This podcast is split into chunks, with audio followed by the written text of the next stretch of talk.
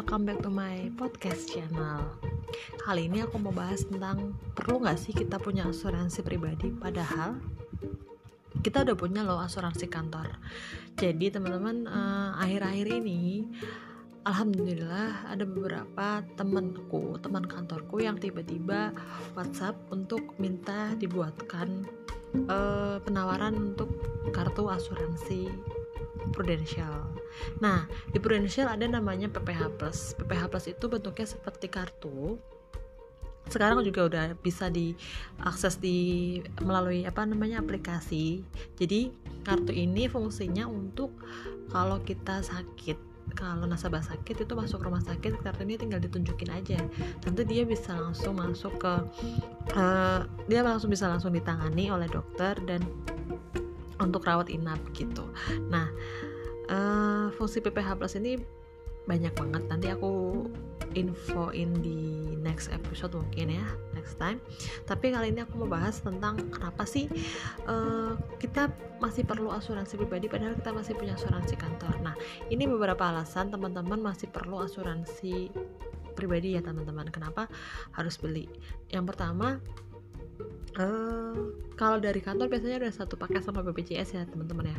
Nah pertanyaanku adalah setiap kali ada yang nanya tentang PPH Plus ke aku, aku selalu tanya e, Mbak atau Mas, uh, oke okay nggak sama BPJS? Kalau misalkan oke okay sama BPJS, uh, efektif nggak sih Mas beli PPH Plus? Walaupun pasti ada plus minusnya antara BPJS dan PPH Plus gitu. Terus biasanya sih mereka jawab karena mereka nggak nggak terlalu apa ya mungkin kurang oke okay dengan BPJS atau karena berbagai faktor ya teman-teman. Kalau aku sih nggak nggak mau bahas tentang BPJS mungkin teman-teman udah tahu sendiri.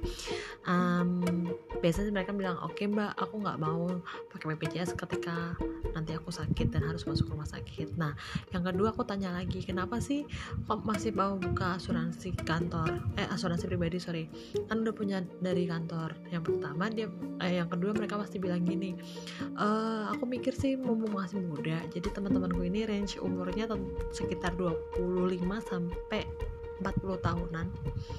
Uh, mereka bilang umur aku masih muda jadi premi asuransi kan ngikutin umur ya.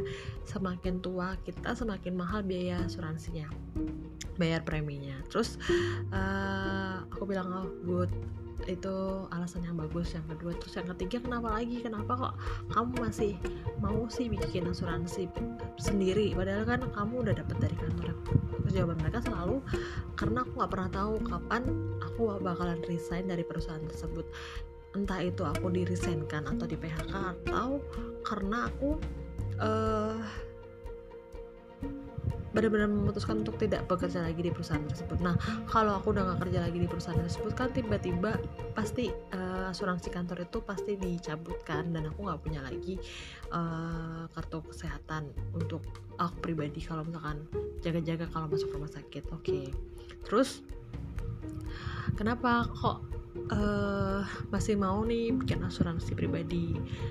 Uh, alasan berikutnya biasanya mereka bilang gini nanti pas waktu pensiun kan juga misalkan nih aku kerja terus nih di perusahaan atau pindah-pindah perusahaan tetap dapat karena asuransi kantor tapi nanti saat aku pensiun kan itu juga akan hilang itu akan nggak ada dan kantor nggak mau nggak peduli sama uh, biaya kesehatanku terus ada lagi yang bilang oh iya karena uh, limit di kantor itu kecil banget dan itu nggak bisa cover kalau misalkan yang pertama kejadiannya adalah sakitnya berat kayak mungkin kanker, tumor. Maaf ya teman-teman aku bukan menakut-nakuti tapi uh, itu nggak pernah resiko itu nggak pernah ada yang tahu gitu kapan kita akan kena penyakit berat dan dan mereka eh, rata-rata uh, berpikir tentang ke depan jauh ke depan. Jadi kalau misalkan harus perawatan kanker atau perawatan tumor atau jantung gagal ginjal dan, dan lain sebagainya sehingga mereka nggak bisa bekerja lagi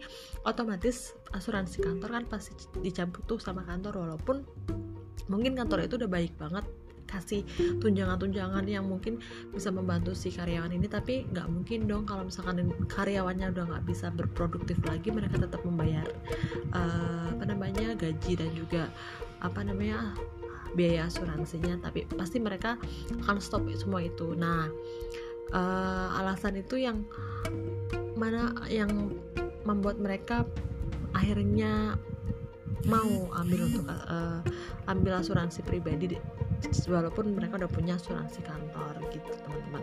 Nah teman-temanku ini uh, jujur aku pernah pernah prospek mereka.